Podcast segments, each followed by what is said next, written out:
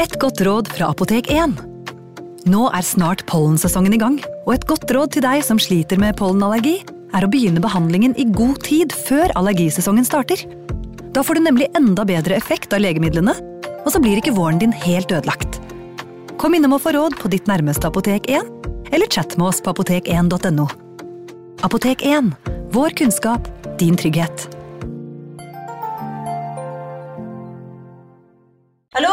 Jeg kommer fra Oslo politikammer. Ine Jansen er purk. Er du purk? The motherfucking bitch. Alt jeg vil, er å finne ut hva som skjedde med mannen min. Jon Carew. Er jeg sikta for noe? Iben Akeli. Det er du. Ole So, Lars Berrum og Big Daddy Karsten. Hvem sin side er du på, egentlig? Anette Hoff, Tone Danielsen, Kommer du fra Afrika? Jørnis Josef, Nesten kløfta. Trond Espen Seim, Det er synd å si det, men det var feil mann som døde. Purk. Premiere tirsdag på TV2 Play. Ungsamtalen fra DNB er økonomisk veiledning tilpasset deg som er ung. Bokk en ungsamtale på dnb.no. slash ung. Det er kjempebra hvis du skal inn på boligmarkedet, hvis det er drømmen din, liksom. Det er det du skulle sagt. Og så kunne du ropt litt mer, da, sånn som jeg gjorde. Bam! Advarsel. Denne podkasten inneholder skildringer av ekte drap og kriminalsaker som kan være støtende for enkelte. Det advares også mot sterke inntrykk i deler av episoden. Det er den 13. november 1974. En ung mann løper inn på en lokal pub midt på natten. Mannen er livredd, som om han har sett et spøkelse. Han skjelver, klarer nesten ikke å stå oppreist. Gjestene snur seg og ser på mannen, som tar et dypt pust før han roper Noen har skutt familien min. Flere av pubgjestene reiser seg for å hjelpe mannen. Han er iskald. De bestemmer seg for å dra til huset sammen med mannen. De går inn. Det er helt stille. De kan bare høre sine egne skritt mot tregulvet. Sakte går de opp trappen. Døren til det første rommet står på gløtt, og en av mennene skyver den sakte opp. På sengen ligger en person på magen, med blod rennende fra et åpent sår i bakhodet. I huset finner de til sammen seks døde mennesker.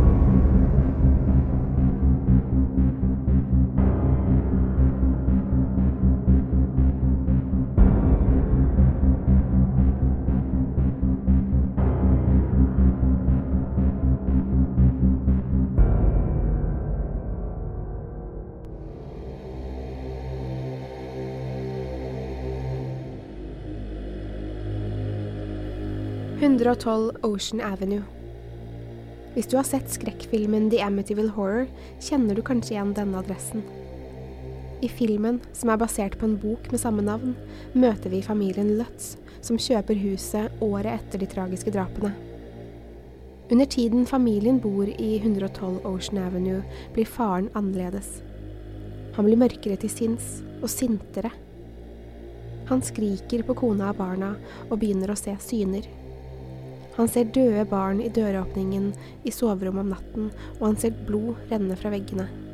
Faren i familien Lutz blir så mørk til sinns at han først dreper familiehunden med øks, før han forsøker å ta livet av resten av familien sin. Han mener huset gjorde han slik. Dette er ikke historien jeg skal snakke om i dag, men denne filmen så vel som boken ble inspirert av drapene jeg nå skal fortelle om. Politiet ble raskt tilkalt til det store, fine huset i Amityville, Long Island, New York.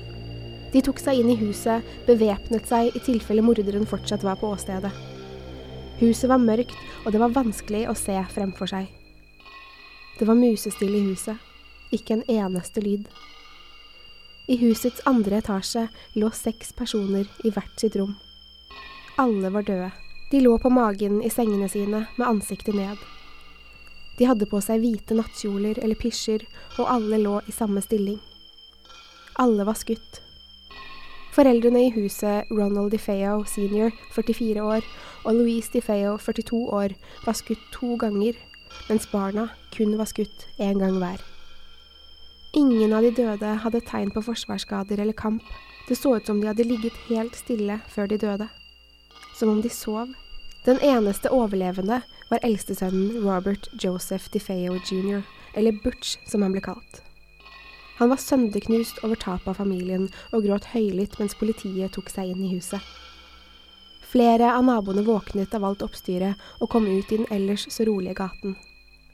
Én etter én ble foreldre så vel som de små barna båret ut i likposer. Det fantes ingenting som tydet på at morderen fortsatt var i huset. Ingen fingeravtrykk eller fotspor som sa noe om hvilken vei morderen hadde tatt etter å ha slaktet en hel familie. Politiet syntes mye var merkelig med åstedet, men også omstendighetene. Hvorfor hadde morderen latt den eldste sønnen leve? Politiet bestemte seg for å forsøke å avhøre eldstesønnen Butch samme natt. Skjelven og redd satte han seg inn i politibilen og ble med til politistasjonen. Han gråt høylytt i flere minutter før han begynte å fortelle hva som hadde skjedd. Butch fortalte så at det var den velkjente mafiatorpedoen Louis Falini som hadde drept familien hans. Politiet syntes det var merkelig, siden DiFeo-familien ikke hadde noen tilknytning til mafiaen, så vidt de visste. Familien var stille og rolige og holdt seg for seg selv, og ingen av dem hadde noe kriminelt rulleblad. Mafiaen pleide heller ikke å drepe barn, de drepte som oftest den personen de hadde problemer med. Likevel syntes politiet at de måtte følge opp sporet med torpedoen Louis Falini. Politiet satt med en gang inn store styrker for å finne Falini, som allerede var en ettersøkt kriminell. Han hadde mange liv på samvittigheten, men han hadde aldri drept barn før. Så vidt de visste. I mellomtiden fortsatte politiet avhørene av Butch, som endelig hadde roet seg ned. Da avhørene begynte, ble han oppspilt og nervøs igjen.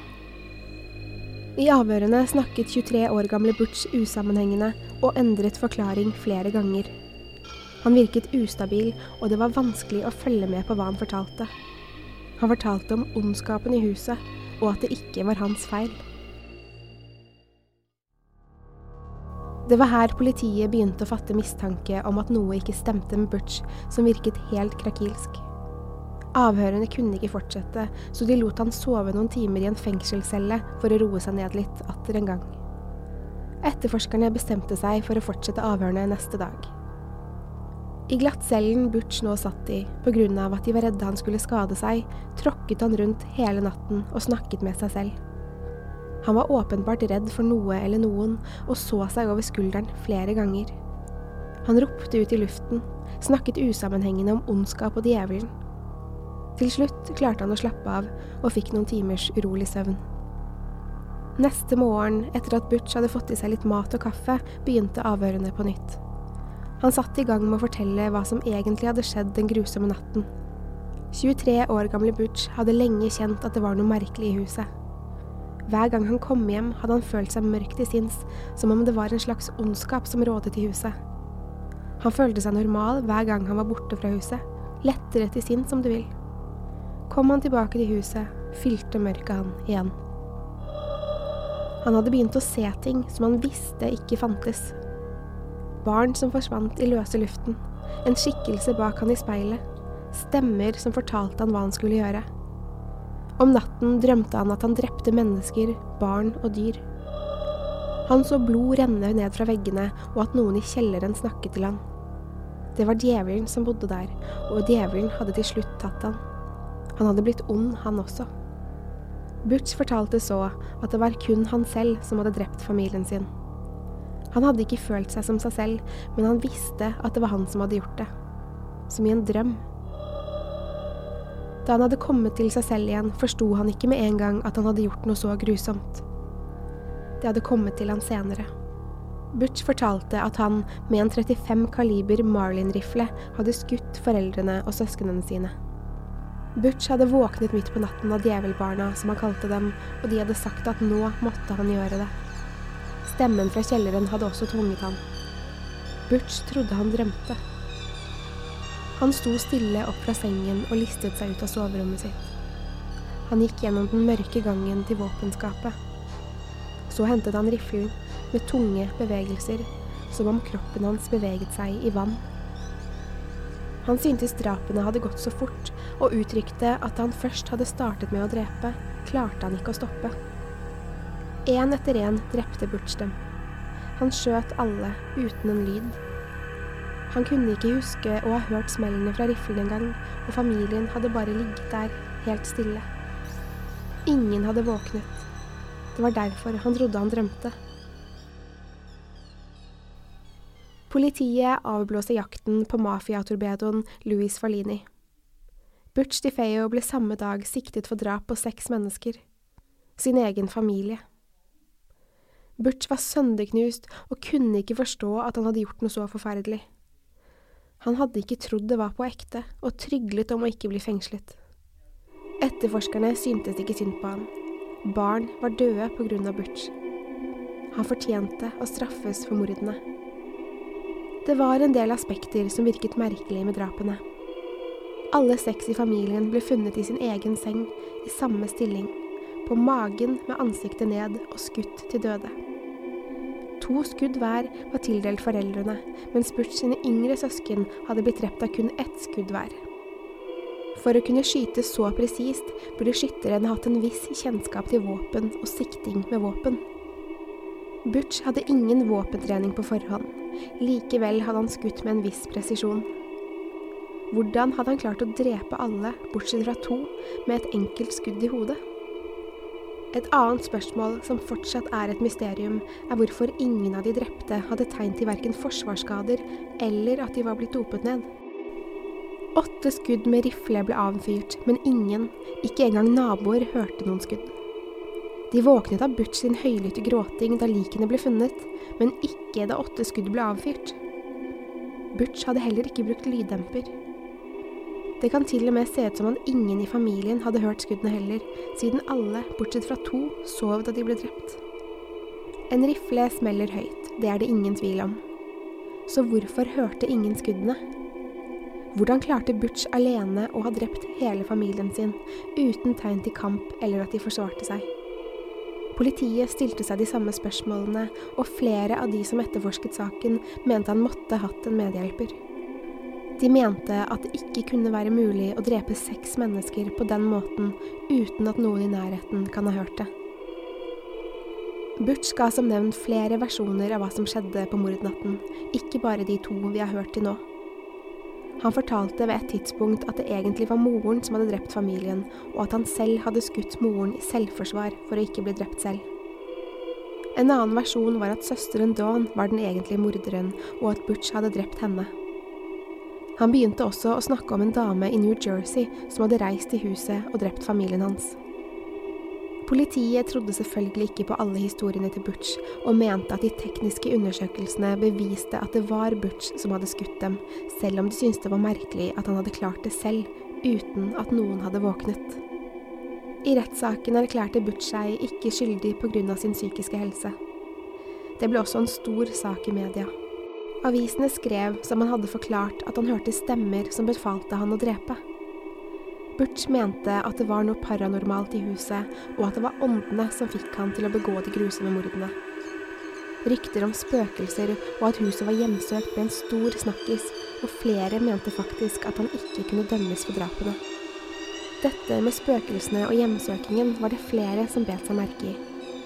Enten var Butch gal, eller så løy han eller fantes det spøkelser i 112 Ocean Avenue? Psykiatriske undersøkelser ble foretatt, men ingen av de rettsoppnevnte psykiaterne kunne finne tegn til psykisk sykdom. Butch kunne straffes for det han hadde gjort, ifølge dem. Den 21. november 1975 ble Butch, eller Ronald Joseph DeFeo som han heter, dømt for seks mord og fikk 25 år til livstid i fengsel. Etter dommen var han knust, Butch hadde mistet hele familien sin, og nå skulle han tilbringe resten av livet i fengsel for noe han mente han ikke hadde skyld i. Butch DiFeo har flere ganger overprøvd dommen, og hevder hardnakket den dag i dag at huset er hjemsøkt, og at åndene fikk han til å drepe. Han har søkt om prøveløslatelse flere ganger, men alle har blitt avslått. Han lider av PTSD som følge av mordene, og sliter fortsatt med mareritt hvor han ser de døde barna og hører stemmene. Likevel menes det at han ikke er psykisk syk, men at han bare later som. Så hva har denne saken med skrekkfilmene The Amityville Horror og The Amityville Haunting? Har du sett dem? I så fall kjenner du kanskje historien om familien som bodde i huset før f.eks. familien Lutz flyttet inn. Som nevnt i starten av episoden flytter barnefamilien inn i huset, som har en forhistorie der en hel familie ble slaktet av den eldste sønnen, altså Butch DeFeo. Forfatteren Jay Anson utga i 1977 boken The Amityville Horrors, som filmene er basert på. Historien fra boken er basert på de Feo-mordene, selv om den ikke stemmer helt med hva som skjedde i virkeligheten. Slektninger av de Feo-familien forsøkte å få boken stoppet, da de ikke ønsket at noen skulle tjene penger på de tragiske skjebnene familien møtte, men boken ble likevel gitt ut. Huset finnes på ordentlig. I sommer var det faktisk til salgs. Ingen vil kjøpe huset, og de som har bodd der, tør ikke oppholde seg der lenge, og forsøker å selge det igjen med en gang. Alle som har hatt noe med huset å gjøre, mener huset er ondt. Mange mener at huset er bygget på en gammel offerplass, og huset derfor er en portal til det paranormale. Det er selvfølgelig ikke hyggelig å bo i et hus man vet har vært åsted for sexdrap. Det er veldig forståelig. Kanskje det er vissheten om det som skjedde, som får huset til å virke så skummelt, istedenfor at huset selv er ondt. Eller var offerplass for mange hundre år siden. Uansett så byr dette huset på problemer. I slike saker bestemmer myndighetene ofte at huset skal rives, så minnene om hva som skjedde, kanskje forsvinner med tiden. Men akkurat dette huset tør ingen å rive. Dette med spøkelsene og hjemsøkingen var det flere som bet seg merke i. Enten var Butch gal, eller så løy han. Eller fantes det spøkelser i 112 Ocean Avenue?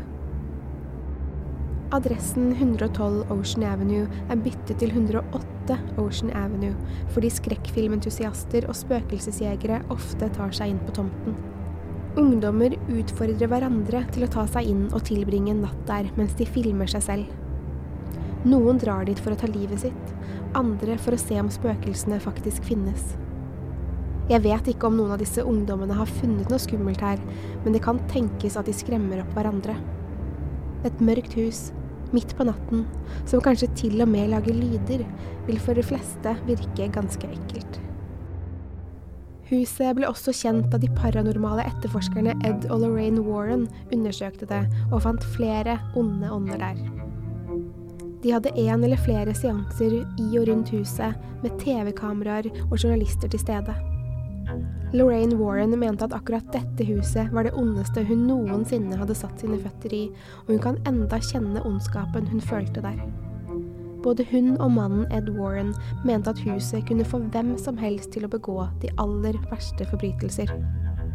Under denne seansen, som ble skrevet om i årevis, ble flere bilder tatt. Et av bildene omtales som det mest kjente spøkelsesbildet i verden.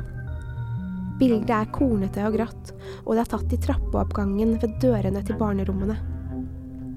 I hjørnet på bildet er to åpne dører. Ved åpningen til det ene rommet ser man en liten gutt som stikker hodet sitt ut av rommet. Som om han er nysgjerrig på hvem som besøker huset. Denne gutten skal visstnok være den yngste av de Feo-barna. Ed og Lorraine Warren Kameramennene og journalistene som var med på seansen, sverger på at det ikke var noen andre i huset enn dem selv den natten, særlig ingen barn. De ble livredde da de så bildet fremkalt. Jeg vet ikke om dette bildet er manipulert, men én ting er sikkert. Den lille gutten som stikker hodet ut av rommet på det såkalte spøkelsesbildet, er skremmende lik den yngste Difeo-sønnen. Du kan se bilder på True Crime Norges Instagram-profil, eller google deg frem til å se bildene ved siden av hverandre. Om du tør. Historien om mordene i Amityville er kontroversiell.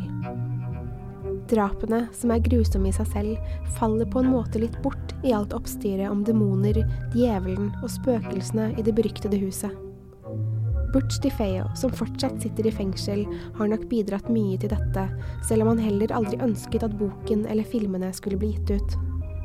Det som er viktig å tenke på i denne saken, er de stakkars menneskene som mistet livet sitt den natten. Det er det som er historien i denne episoden. Likevel så jeg meg nødt til å ta med alt, ned til det siste lille spøkelset, så du kan få gjøre deg opp en mening om hva du tror skjedde i 112 Ocean Avenue. Har du reaksjoner, spørsmål eller kommentarer til denne episoden, send meg gjerne mail på post at truecrimenorge.no. Om du har tips til andre spennende saker du vil jeg skal ta opp i True Crime-podden, vil jeg også gjerne høre fra deg. Takk for at du har hørt på True Crime-podden.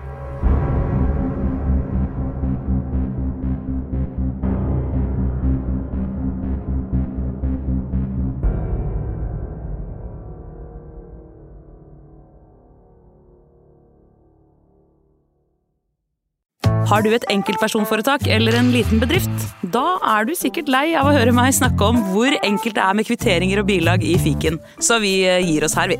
Fordi vi liker enkelt. Fiken superenkelt regnskap. Hei! Takk for at du lytter til True Crime Podden. Skulle du ønske at du kunne høre en ny episode av denne podkasten hver eneste uke? Vel, da er det bare å laste ned podkastappen Untold med en gang. I tillegg til ukentlige episoder av podkaster som Skrekkpodden, Synderne og Henrettelsespodden, får du masse annet reklamefritt og eksklusivt innhold. Last ned Untold i AppStore eller Google Play, og start din 30 dagers prøveperiode i dag.